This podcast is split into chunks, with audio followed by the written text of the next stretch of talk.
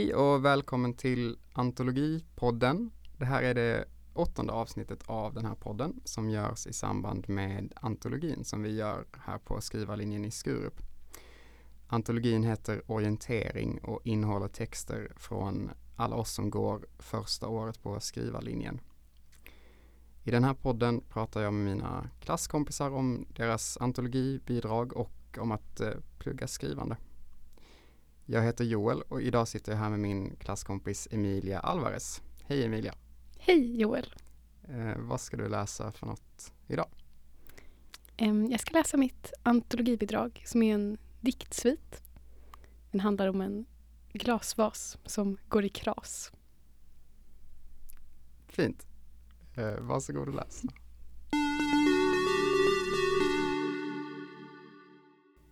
Ljus flödar. Flyter ut över rummet i köket. Rummet är fyllt av ett blekljus. Dammkorn i luften simmar som insekter, harkrankar. Ljus träffar ögonlock och hornhinna bränns. En glasvas lyser, solar sig tulpaner, en glasvas lyser, snirklar i glaset spricker över bänkskivan. Ljusstrålar bryts till mindre ljusknippen.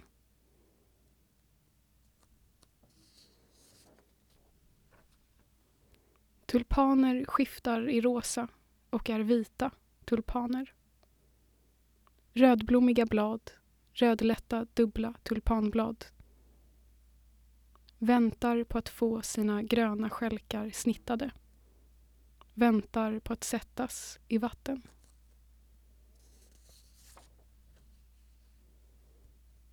Solen fäller ett vitaktigt sken när vita bleka står i strimmor på parketten.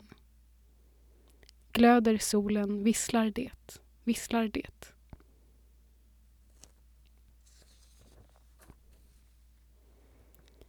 Ljus strömmar in över köket. Ett bländande ljus som sväller och brister. Solens tryck mot fönsterrutan och fönsterglaset som ger vika. Krossar solen vasen jag håller över diskhon. Det är en isvas och den smälter i mina händer.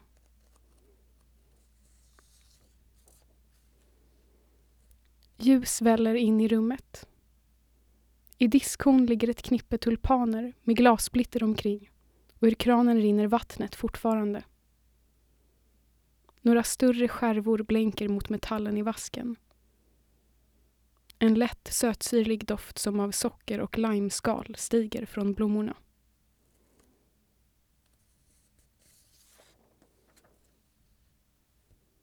Det är en isvas och den smälter i mina händer. Den smälter och skär ett djupt snitt tvärs över underarmen. Markerar en röd diagonal mellan handleden och armvecket. Öppnas ett glipande sår, en reva i huden. Som en gapande mun och därinunder ett öga som blinkar mot mig.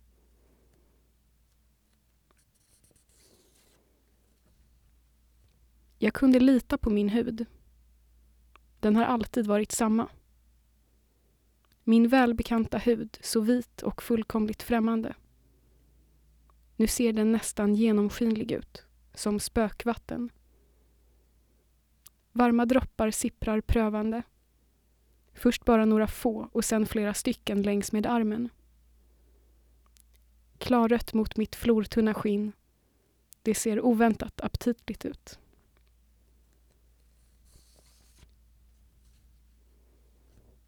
Huden har svikit mig. Huden har svikit mig, eller jag har svikit huden. Oavsett vilket kan jag inte välja bort den. Min friska hand håller jag om den sårade armen. Det finns inget innan hud. Innan till finns ingenting. Efteråt finns inte heller. Min hud är en hallongrotta, så jag väljer att lita på den.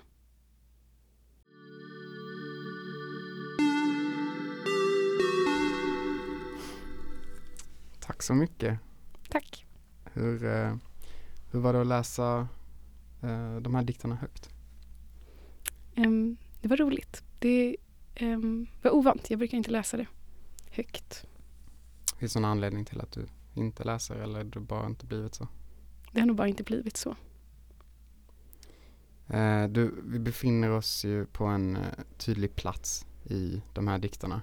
Eh, jag läste dem som en enda lång eh, dikt egentligen, men de ska läsas som separata, eller? Eh, nej, jag, jag tänker dem också som en, ehm, ja, kanske en diktsvit eller en lång dikt som är en och samma fast den breder ut sig över flera sidor. Mm. Och eh, vi är eh, i ett kök, eller hur? Ja, precis. Eh, finns köket på riktigt? Ehm, ja, med eh, un, ungefär. Det är, en, det är en helt sann berättelse. Helt och hållet självupplevt. Spännande. Eh, det, det ska vi dyka in i, men eh, var någonstans eh, finns det här köket? Ehm, I... ehm, Jaså, ja, okej. Ja. Eh, det är någon, något ställe som du har jobbat på eller, eller så? ja, jag vill helst inte avslöja. Nej, jag förstår. Jag förstår. Det, men då har vi i alla fall en, en rund, Mm. säger man, ett område. Ehm, när jag läser eh, sviten så känns det som att du har liksom målat upp miljön väldigt mycket som kanske som en bildkonstnär hade gjort. Med, det finns mycket tankar om Mm. ljus och färg. Och sen har ju du också gjort omslaget till både till antologin och även till den här podden. Just det. Så jag funderar på om du har någon typ av erfarenhet av bildkonst eller teckning eller, eller något sånt. Eh, nej, det har jag faktiskt inte. Jag, jag, jag har väl alltid tyckt om att ehm, ehm, rita och så. Men ehm, eh, nej, det har jag inte. Tror du att det påverkar hur du skriver någonting? Alltså intresset för, för bild och så? Jag vet faktiskt inte. Ehm, jag, jag tycker att det är intressant med... Jag får ofta höra att, eh, att mina dikter är väldigt visuella, säger folk. Att de är rumsliga och förankrade i rummet. Mm. Just i den här så är det ju särskilt ljuset som jag tänker på som liksom återkommer på flera ställen. Du börjar med ljuset och det liksom flödar och glittrar över scenen. Mm. Varför tror du att eh, ljuset har fått så stor plats i texten? Ehm, det finns många sätt att beskriva ljuset på. Eh, och, den, och det började som någon form av stämning bara. Att ljuset skulle vara en stämning. Men sen ehm, när berättelsen växte fram så blev det som en egen karaktär. Som ett antropomorft ljus som har en vilja i min berättelse. Och då fick den ju naturligt ta mycket större plats. Mm. Vad har den för vilja? Den vill krossa vasen. Den, den är ond, det är en ond sol. ont ljus. Så vilket ju också är, är liksom tvärtom vad det brukar vara. Som en, någon god kraft, liksom ljuset. Ja, just det. Ja. Men jag vet inte, exponerande, hårt Mm. ljus. Kastar ett ljus över någonting. Mm, Be- behöver inte alltid vara gott kanske. nej. Mm. Viljan att krossa måste inte heller alltid vara ond eller god, tänker jag. Nej, nej. Men, men ehm, utan att gå för mycket in på detaljer om den här platsen i eh, Mm. eh, Fanns det liksom ett speciellt ljus där? Ehm, det var många tidiga morgnar. Så det var, och det var vinter. Så det var, ehm, det var inte så mycket ljus. Nej, Elektriskt ljus. okej. Och ljuset i de här eh, gångarna där, ehm, där eh, själva lagret ligger. Och kylrummet. Så det var snarare liksom avsaknaden av ljus och liksom din fantasi som fick bringa in ljus till den här scenen då eller? Ja, kanske. Eh, vi har en eh, huvudperson också i texten. Mm. Eh, vad kan du säga om huvudpersonen? Är det då du själv? Eller vill, vill du liksom låta det vara osagt eller är det som en, en bild av någon som liknar dig själv eller?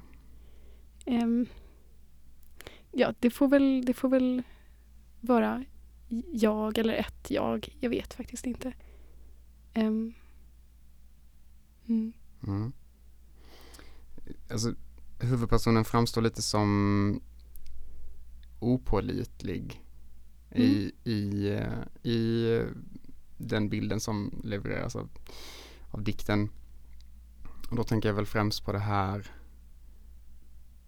att eh, vasen framställs både som eh, is och som glas och mm. den krossas eller den smälter. Um, vad, vad, vad, liksom, vad kommer det ifrån? Um, ja, eh, jag, jag, tror att jag tycker om bilden av den kanske ambivalenta berättaren. Eller att det är lite osäkert vad som faktiskt är och inte. Eh, mm. Är det någonting som kommer fram i andra texter som du skriver också? Ja, jag brukar få höra det ofta när vi har sådana responsskrivarstugor. Mm. Att folk säger att de inte litar på min berättare. Trots att jag, även också när jag försöker skriva någonting konkret så ja. Vad är det, vad är det som du tror liksom är, är anledningen? Jag tror att, att jag ähm, äh, upprepar mig, att jag säger någonting, att jag skriver någonting och sen skriver jag samma sak igen men med en liten förskjutning eller förvrängning eller eh, så backar jag och, och, och ändrar. Eh, eller att jag säger saker som strider mot varandra. Så det är en glasvas eller det är en isvas. Just det. Mm. Och det, det, har vi som sagt eh, även i den här texten. Mm. Eh, är det liksom ett, ett grepp som du är inspirerad av någon annan eller har det bara liksom blivit så eh, spontant? Um, ja, jag, jag, vet inte om jag kan plocka det från någon specifikt. Um, jag antar, jag, jag har, um, jag har läst och tyckt om Duras mm. mycket. Och, och, hon repar ju upp och upprepar. Ja, sådär. Jag har själv inte läst men mm. uh, så det finns, är, det ex, är det liksom exakt lika eller är det liksom en form av detta som du? Um, nej, jag vet inte. exakt lika tycker jag inte att det är men, men uh, jag, jag, har väl inspirerats av det. Det, mm. det tror jag. Mm. Mm. Och det jaget som, um, um, som är lite tvetydigt eller osäkert. Liksom. Um, det var någon i någon skrivarstuga som beskrev det som att, uh, att, att inte kunna prata om ett trauma. Mm. Att man måste eh, beskriva det uppbrutet och, och, och, osäkert för att liksom prata runt det som inte går att prata om. Mm. Jag tyckte om den, eh, den beskrivningen av det. Mm. Precis som liksom vasen själv också är krossad så är liksom minnet av det som har hänt är liksom också uppbrutet och vasst. Liksom. Ja men kanske. Mm. mm. Intressant. Vad, vad, är det då som har hänt med din eh, liksom, huvudperson? Um, Jag vet inte. Nej. Det, um, det är jaget i det här rummet. Och det är som att det är ett ensamt och ett isolerat rum. Och bristen på andra personer eller karaktärer gör eh, objekten i rummet till karaktärer. Det finns en sol som har en vilja och en glasvas som har en vilja Kanske har också tulpanerna och eh, den egna huden en vilja. Mm. Mm. Ja, kanske, kanske, liksom, kanske måste man inte alltid veta heller vad som ligger bakom. Eller det är Nej. ju ofta så när man, när man skriver. Om jag utgår från mig själv. Att man kan ju börja i, man kan ju dels börja i en händelse men man kan ju också börja, börja i en känsla. Mm. Eller ett minne. Ja, eller en bild. Ja bilden av det här köket och den här vasen. Mm. Är det en fysisk bild du har liksom som ett foto? Eller är det bara liksom din, din minnesbild? Um, jag tänker mig, jag ser framför mig ett kök och, och skarpt ljus och, och en diskbänk.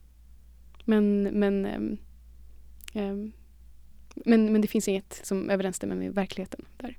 Mm. Mm. Eh, jobbar du ofta så när du skriver, nu vet jag inte, skriver du prosa också eller skriver du bara eh, dikter och mm. poesi? Jag skriver både och och blandat. Mm. Har du då så att du helst vill ha liksom allting som ett stort bakland där du har liksom så att du själv vet vad som händer eller brukar du jobba mer som i den här texten att du har liksom en mer en känsla men att vad som har hänt tidigare så kan vara liksom dolt för dig också som författare? Um, ja, det, det, brukar vara mer så, ur en känsla. Och jag tror att jag skulle kunna ha nytta av att ha ett rikt bakland. Um, för, att, för att ibland är det som att, som att jag, jag själv inte heller förstår varför eh, en karaktär i en berättelse gör som den gör eller varför något beskrivs på ett visst sätt. Och, eh, men, ehm, eh, men jag skulle gärna veta. Mm. Mm.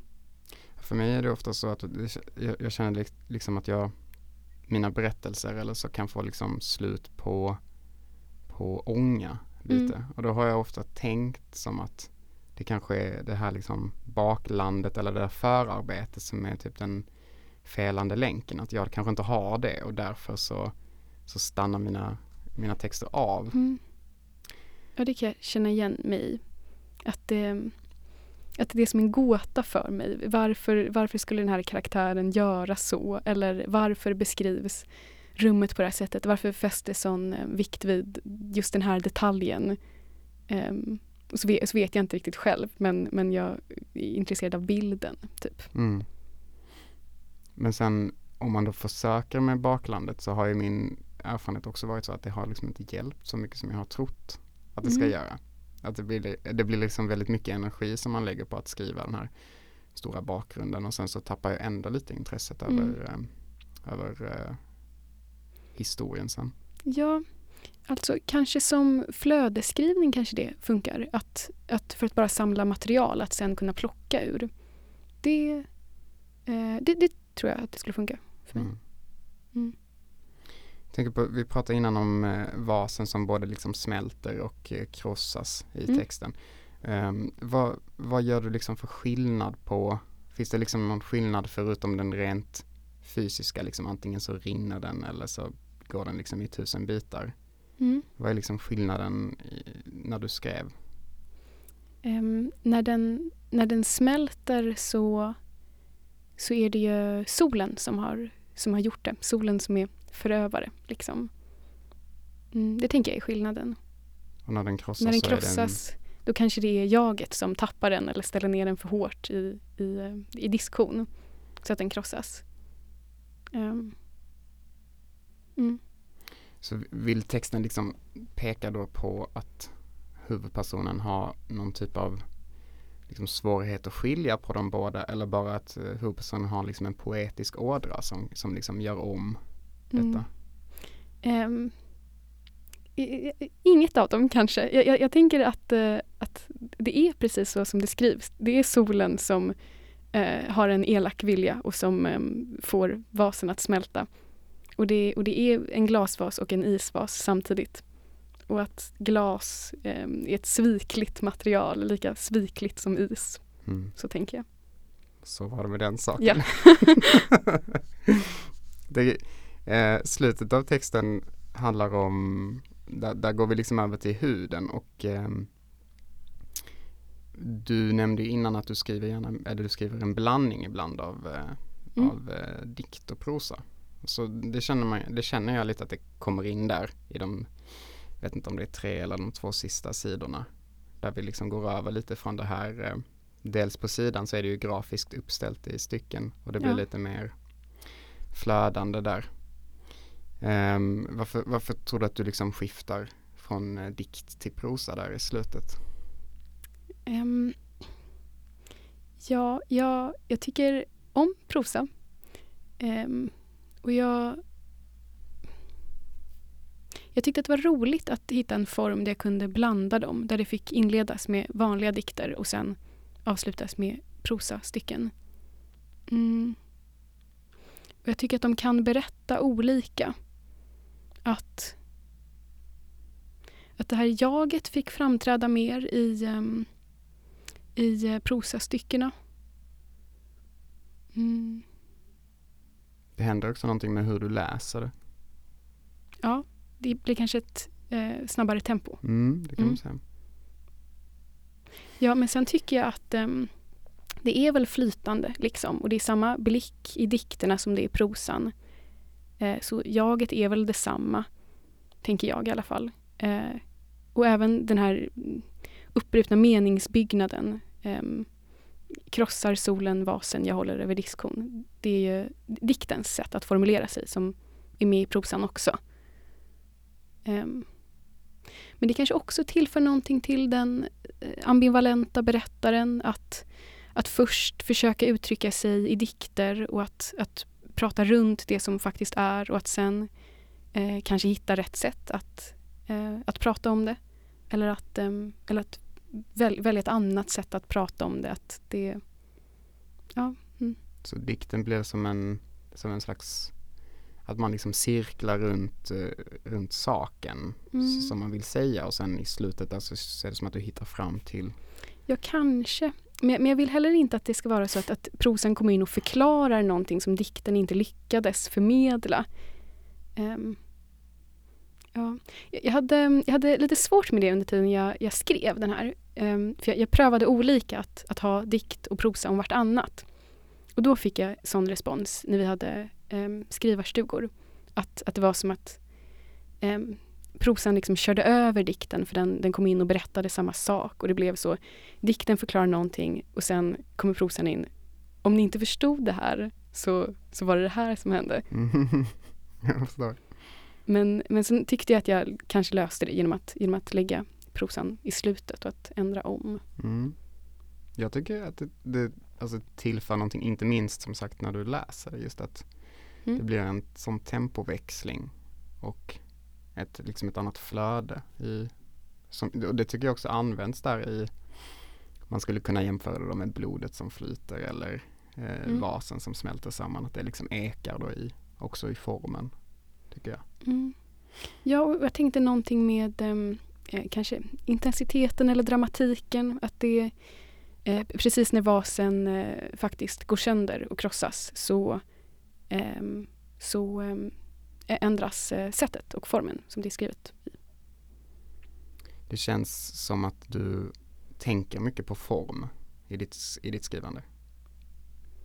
Um, jag vet faktiskt inte. Jag, jag, borde tänka mer på form kanske. Mm. Men, men ja, um, när, jag, när jag bestämmer mig för en tydlig form, eller när jag har en tydlig form, um, då, då, känns det som att det går lättare sen. Att då, då, då finns det regler för texten och, och, och den... Ja, man, man, vet var texten vill någonstans. Då blir det lättare att bara skriva den. Mm. Mm. Så att eh, en, du tänker att en, en, liksom en poetisk text vill liksom åt, åt, åt ett annat håll än kanske en prosatext vill eller? Eh, nej, det kan nog gälla prosa också tror mm. jag. Mm. Men det kanske är sådana form eh, som så dramatik, dramaturgi mm. menar jag. Mm. Att, att texten har en vilja, att den vill åt ett visst håll och det finns vissa regler för en text. Mm. Sånt tycker jag om, när det finns regler. känner, känner du att den här texten är, är avslutad där, så som den är i antologin? Um, Eh, jag skulle gärna skriva mer på den. Nu, nu har jag lagt ifrån mig den. Um, men, men det kan nog hända att jag plockar upp den igen och skriver vidare. Mm. Jag tänker på slutet av texten. Det handlar ju om, eh, om huden som liksom går sönder, skärs upp och, och blöder. Mm. Eh, och sen i, i det, sista, det sista liksom stycket där så står det att um, huvudpersonen väljer att lita på, på huden. Mm. Kan du förklara det, det liksom, eh, den raden bara? Um, jag tänker att det förklaras av att huden är en hallongrotta och att den är aptitlig. Så då väljer man att lita på den. Eller att man, man har inte heller något annat val. Men oavsett vilket kan man inte välja bort den. Så man eh, eh blir nog tvungen att lita på huden också. Mm. Finns det någon humor i, i det också? Min hud är en hallongrotta och jag väljer att lita på den. Ja, det tänker jag att det gör. Um, för att det är absurt. Ja. Brukar du själv, eller fnissade du själv till när du, när du skrev det eller har du fått någon sån liksom, reaktion? Um, Ja, jag, jag, tycker att det jag tycker att det är roligt att, att den skulle vara aptitlig. Jag tycker också att spökvatten är väldigt roligt. Ja, Mm. jag kan också säga det. Det var en, eh, ett- tillfälle när jag liksom hajade till och var så här, oj shit, spökvatten. jag tycker det är väldigt kul. Mm. Ehm, brukar det vara så i dina texter, dina andra texter också, att du arbetar med humor också eller är det någonting som bara kom fram här? Ehm, det, kan, det kan nog vara olika. Ehm, jag, jag tror att det kan bli lite humoristiskt när jag, om jag så upprepar väldigt mycket eller mm, beskriver en och samma sak väldigt nära ingående och på många olika sätt. Då, då blir det lite, lite absurt roligt nästan. Det känns som att eh, så som jag känner dig så din humor, så, så vet vad jag har sett i alla fall, är ganska språklig också. Och det känns också på något vis som att det kommer igen här. Ja men kanske. Ja. Mm. Eh, jag blir också nyfiken på, om, eftersom det handlar om ett eh, liksom sår och blodet rinner och allting sånt och du säger att det är delvis självupplevt. är det också eh, liksom en sann historia då, eh, inom citationstecken? Att du skar dig där på en vas? Eh, ja, det är en sann historia. Jag fick sy sju stygn. I, idag är jag återställd. Men, men eh, fall, jag, jag fick tydliga, precis, men jag, jag men. Ehm, men jag fick eh, instruktioner av läkaren att eh, jag fick inte bära tyngre än en kaffekopp på en månad. är det sant? Det tyckte jag var toppen. Jag kände mig som prinsessan på ärten. I en hel månad? Ja. Och, och det var liksom eh, med vilken av dina händer, du kunde inte Med min högerarm. Okej, så det var inte liksom att hela kroppen var liksom förbud på att bära? Nej. Okej. Men då måste det ha varit ganska illa ändå, tänker jag. Eller vad är sju stygn, liksom vad representerar? Ska du det i handen eller? Eh, på underarmen, Ja, just det, som det står. precis som det står i texten. Men det är ju skönt att höra att du är helt återställd i alla fall. Mm, nu kan du bära mer än en kaffekopp med den handen. Ja, två kaffekoppar. Jag måste bara, har du ett ärr eller så? Ja, det har jag. Och där eh, visar Emilia sitt ärr ja. Ja. Ett ganska litet ärr. Ett jättestort där. Men det, det är i alla fall, är det så att när du, när du satt och skrev den här att du liksom tittade på ditt ärr ofta? Hade det som en memento? Eh, ja, det har jag gjort. Och ehm, en del av det som står i texten nu är också sånt jag tänkte när jag, ehm, n- när jag hade såret framför mig. Um, hallongrotta till exempel, det tänkte jag redan då. Intressant. Mm. Hur eh, liksom associationer och sånt fungerar när man står och... Jag hade förmodligen svimmat bara på Ja. direkt. Men du, du svimmade inte eller så? Ehm, nej, jag, jag, jag fick sitta ner. Det är rätt fascinerande egentligen när jag tänker jag kanske framstår som liksom ehm, att jag lägger vikt vid konstiga saker här men alltså det, det blödde mycket eller? Ja, det gjorde det. För eh, jag minns en gång när jag, eh, jag bodde, bodde själv och hade mitt första sommarjobb en gång i tiden så eh, hade jag bestämt mig för att laga tomatsoppa en dag. Och jag var helt utmattad. Jag cyklade till, eh, till mimitt sommarjobb på den tiden och det var liksom, ja, jag tror det var en mil enkel väg så när jag kom hem så var jag riktigt, riktigt utmattad. Och så stod jag och skar de här tomaterna för jag hade färska tomater som jag gjorde soppan av. Mm. Så ska, och så skar jag mig i tummen och ehm, alltså det blev ju inte jättestort sår. Inte sånt stort sår som du beskrev Mm. du fick. Men jag bara minns att eh, jag gick till badrummet för att typ plåstra om det och sen så liksom tog jag i tumfli, tummen och liksom så ehm, eh, vad heter vickade lite. Nej, ja, ja, och, så, och då så, så, så var det liksom en liten flik som, eh, som vickade och då bara svimmade jag direkt. I eh, liksom dörröppningen till badrummet där. Ehm, så Ja, jag, det- jag, det låter jättejobbigt. ja alltså, Men jag tycker att du måste skriva om det. ja, jag förstår att du tycker att jag måste skriva om det. Men eh, på det viset så är jag otroligt imponerad över den, eh, vad heter det? att då inte svimma av ett eh, så mycket större. ja. Um, hur kom det sig att det blev eh, just den här texten som du valde åt antologin? Um, ja, jag, jag, var osäker på vad jag skulle skicka in. Um, för jag, jag, hade först inget så tydligt som jag kände mig färdig med. Så jag, så jag skrev det här också uh, för antologin. Um, det var, det var jag hade en eh, typ färdig eh, prosatext om det här, eller om den här glasvasen, som jag skrev för eh, länge sedan. Um, och sen hade jag haft i tankarna att jag skulle göra om det till dikter och att jag ville göra om det. Men jag hade liksom lagt det åt sidan. Och sen läste jag Ann Jäderlund, som jag tycker mycket om. Jag läste hennes diktsamling Som en gång varit äng. Eh, och så stötte jag på en dikt som först handlade om en glasvas, nej om en vas bara. En vas som krossades. Och sen några, när jag bläddrade några sidor så var det en som var typ Jag plockar små tulpaner, jag, jag rycker loss deras blad, jag äter upp det inre. Eh, och, då, och då tog jag det som ett tecken att nu måste jag, nu måste jag skriva dikter av det här. Um, för att det var samma bild som jag gick och bar på, tyckte jag. Um, du hade fäst eh, minnet på de här tulpanerna då, eller? Ja. Mm. ja. En, en, glasvas som krossas och tulpaner. Det, ja. Um, och då började jag skriva på det här.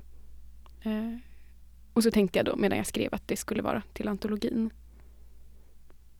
Mm. För jag ville ha någonting som, um, som kändes färdigt eller som ett, ett, uh, ett, ett projekt med början och slut. Jag ville inte bara ha ett utdrag tror jag. Um, och så tyckte jag om att jag, att jag kunde blanda både dikter och um, prosa. Mm. För, att, för att jag är både och, liksom. Så där hade du ändå ett material innan att utgå ifrån? Ja. Din prosatext då? Jo, precis. Um, jag är lite nyfiken för du är en av de, uh, de yngsta på skrivarlinjen. Mm. Uh, gick du direkt från gymnasiet till skrivarlinjen? Um, ja, eller det var ett år däremellan när jag um, pluggade lite fransk grammatik och eh, gjorde illa mig på glasvaser och annat. Och eh, sen började jag här. Ett, ett år av inspiration. Precis. Av att samla stoff. Eh, väldigt bred fråga då, men hur, alltså hur, hur, hur har det liksom varit? Om du kan liksom beskriva för någon som, som mig som började på skrivarlinjen, vad blir det, 12, 12 år mm. efter gymnasiet ungefär. Hur har det varit för dig? Um, ja, jag vet att jag, att jag först till en början eh, så, så, kände jag mig jättemycket yngre än alla andra i klassen och blev lite skrämd av att alla var så vuxna och hade gjort en massa. Eh, de hade bott på, på olika håll och de hade pluggat en massa. Eh, men men eh, ganska snabbt så jämnades liksom den åldersskillnaden ut kändes det som. Um, och det var inget jag tänkte på mer. Mm. Mm. Ja, och sen ehm, det kan jag väl känna att jag är mer um, ny i mitt skrivande och jag har inte haft lika mycket tid att fundera över uh, vad jag vill med mitt skrivande eller um, hur jag vill skriva eller um, allt sånt som är runt omkring. Uh, men mm. Så mycket, mycket är liksom första gången jag formulerar här. Så känns det. Mm, jag, jag, tror att eh, på ett sätt så är det ganska likt också hur jag själv känner. Mm. Även om det nog tog, tog lång tid för mig så mitt skrivande har ändå inte, alltså det här kreativa skrivandet mm. har ändå inte varit igång så himla länge Mm. Eh, så, och det är intressant det där du säger om att liksom gränserna har liksom suddats Mm. ut. Eller man säger, för det, så känner jag också verkligen Mm. att det är så här. Ma- Alltså, nu när jag sitter här och tänker på det så tänker jag att det borde göra en jättemycket större skillnad än vad det egentligen gör. Mm. Det känns som att när jag läser eh, andras texter så borde jag på något vis kunna se deras Mm. erfarenheter eller deras ålder i texten men jag har inte upplevt det Nej, egentligen. nej. Hur känner du? Har du tycker du att man kan se det liksom i hur folk skriver? Um, um, nej, kanske inte. Eller det, det är väl som du säger att, att äh, man, man är väl, vi går i samma klass och på samma skola, vi går på folkhögskola och man um, Även om man är äldre så kanske man, man kanske har hittat till det här senare bara. Mm. Nej, just i skrivandet. Mm. Eller ja, jag som är så ung äm, kan känna att, att jag, äm, äm, jag Jag har inte bestämt mig än för hur jag vill skriva eller, eller vad som skulle vara min eh, citattecken röst. Ehm, ehm, och, och med varje projekt jag påbörjar så är det som att jag provar en ny röst och ett nytt uttryck. Eh, och någon som är lite äldre och kanske har skrivit lite mer, kanske har gått någon skrivarutbildning innan de började här. Um, mm, kanske har formulerat det tydligare. Men det är inte helt säkert. Och jag tycker inte att det är en regel som gäller för alla. Mm. Har du liksom Ser du att du kommer att följa den här liksom vägen som du, som liksom du har börjat på något vis med skrivarlinjen? Ser du liksom att det, det är den du kommer liksom att fortsätta på? Eller har du känt så här, nej jag vill nog testa någonting annat ett tag Mm. eller? Jag pendlar mycket fram och tillbaka. Ehm, jag, jag, jag bestämde mig eh, häromdagen, igår, igår natt bestämde jag mig för att jag ska läsa år två. Mm. Och jag hade tänkt att jag inte skulle göra det. Hur många dagar för sent är det? Men, ja, det var några dagar för sent. Men, men jag hade skickat in min anmälan ändå. Så det Ah, var liksom, ja.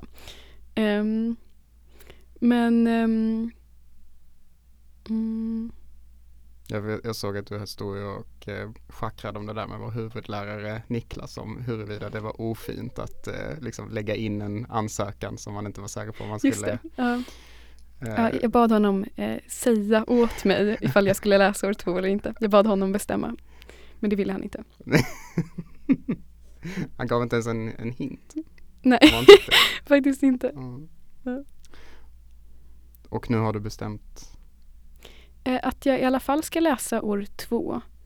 Och ehm, ehm, för att ett år går så snabbt. Det här året har gått jättesnabbt. Ja, verkligen. Eh, och det känns som att jag precis nu, nyss har eh, kommit på någonting eller eh, kommit in i någonting. Jag har insett eh, att jag behöver rutiner till exempel.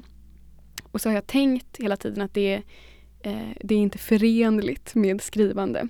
Och eftersom att jag inte eh, klarar av att inte ha eh, tydliga liksom, rutiner då klarar inte jag av att skriva heller har jag tänkt. Men ehm, jag har precis insett att man kan sätta äggklockor och tvinga sig själv att skriva. Du pratar förstås om den här Pomodoro-metoden. nej, det, det, det vill jag inte säga, men äggklockor. Ja, det är intressant för du, du nämnde det i något, eh, i någon lektion vi hade igår tror jag. Mm. Och samma kväll så satte jag min, min klocka då. Jag hade ingen, jag, jag, liksom, jag grämde mig för att jag inte hade någon äggklocka men jag satte liksom min, min armbandsklocka då på någon timer sådär. Funkar faktiskt ganska bra. Nu vet Ja. jag inte om jag gjorde helt rätt. Det var 20 minuter arbete. Ja, jag, jag vet inte riktigt heller, men Ja. Mm. Men jag tycker det, det funkade ju på något sätt. Mm. Sen vet jag inte om det bara är liksom nyhetens behag. Det känns för enkelt på något vis att det skulle göra liksom en stor skillnad. mm, Men du har testat ägg- äggklocka? Ja, lite halvhjärtat. Men, men ehm, eh, jag, jag är beredd att eh, ge mig hän åt, åt äggklockan. Mm. Är det liksom, är, är det just det att du har svårt att alltså skriva, är det längden på texten som, som du känner att du inte liksom kommer fram till eller är det liksom någon känsla av kvalitet som du är ute efter? Jag menar det här som gör att du känner liksom den här osäkerheten om du skulle klara av det eller inte. Mm. Um, nej, det är väl, det är väl mer uh, osäkerhet om jag skulle klara av um, mm, ah, jag vet inte, det känns fånigt att prata om disciplin men, men um, mm, det, det, det, det, kanske innebär mycket vånda att behöva skriva. Och då um, um, kanske jag helst låter bli. Mm. Ja. Uh, jag brukar fråga alla som är med i podden hur det liksom har känts att kunna spendera all sin tid nu under ja, snart ett, ett uh, läsår på mm. att skriva på utbildningen. Hur, hur, har det varit för dig? Um, det har um, det, det, har um, varit lite läskigt uh, och, uh, och, och, det där att jag, att jag känner att jag, jag har inte uh, jag, jag, vill, jag vill göra det mer och mer ordentligt och därför vill jag läsa år två. Men, men um, framförallt så känns det bara oerhört lyxigt att, att ha fått ägna ett år åt skrivande. Um, jag brukar prata om, om mitt textliv. Um, som är så... Sitter hemma och skriver, har en lektion, vi pratar om text.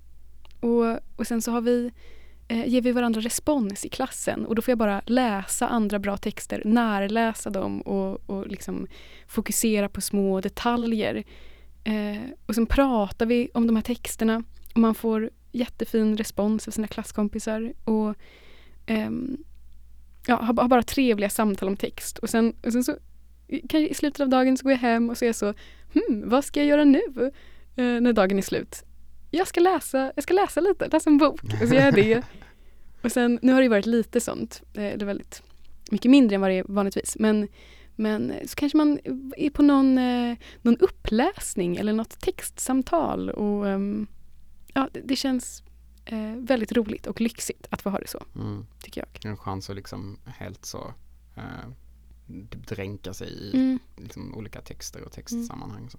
Ja, och det, det, känns som att det är en stor del av själva skrivandet eller det som eh, eh motiverar mig mycket. Att, eh, att det är så himla kul allt det här runt omkring och att få vara i text. Och då, då blir det också en anledning att skriva. Det här eh, det här är väldigt, väldigt roliga sammanhanget. Vi ska runda av strax. Mm. Men eh, tänkte först fråga vad, vad om något du skriver på just nu? Um, jag har kanske början på ett projekt som jag inte riktigt vet vad det är än. Um, men det är väl också någon, någon form av blandning mellan prosa och poesi. Mer, mer prosalikt. Mm. Ja. Dessa projekt. Mm. Det, jag, förra personen som var med i podden, minns jag inte vem det var, pinsamt. Men så sa jag, vad jobbar du på för projekt just nu? Och då så misstolkade hen det helt och var så här, trodde att jag menade någon typ av arbete eller någon typ av liksom projekt, projekt. Liksom, projekt så jag ska börja baka surdeg. Typ byggnadsprojekt Aha, okay. eller jag inte. Och eh, ja, text eller projekt. Men eh, lycka till med din nya text då och eh, tack. tack så jättemycket för att du ville vara med i podden. Ja, tack själv. Tack för din fina uppläsning. Tack. Tack.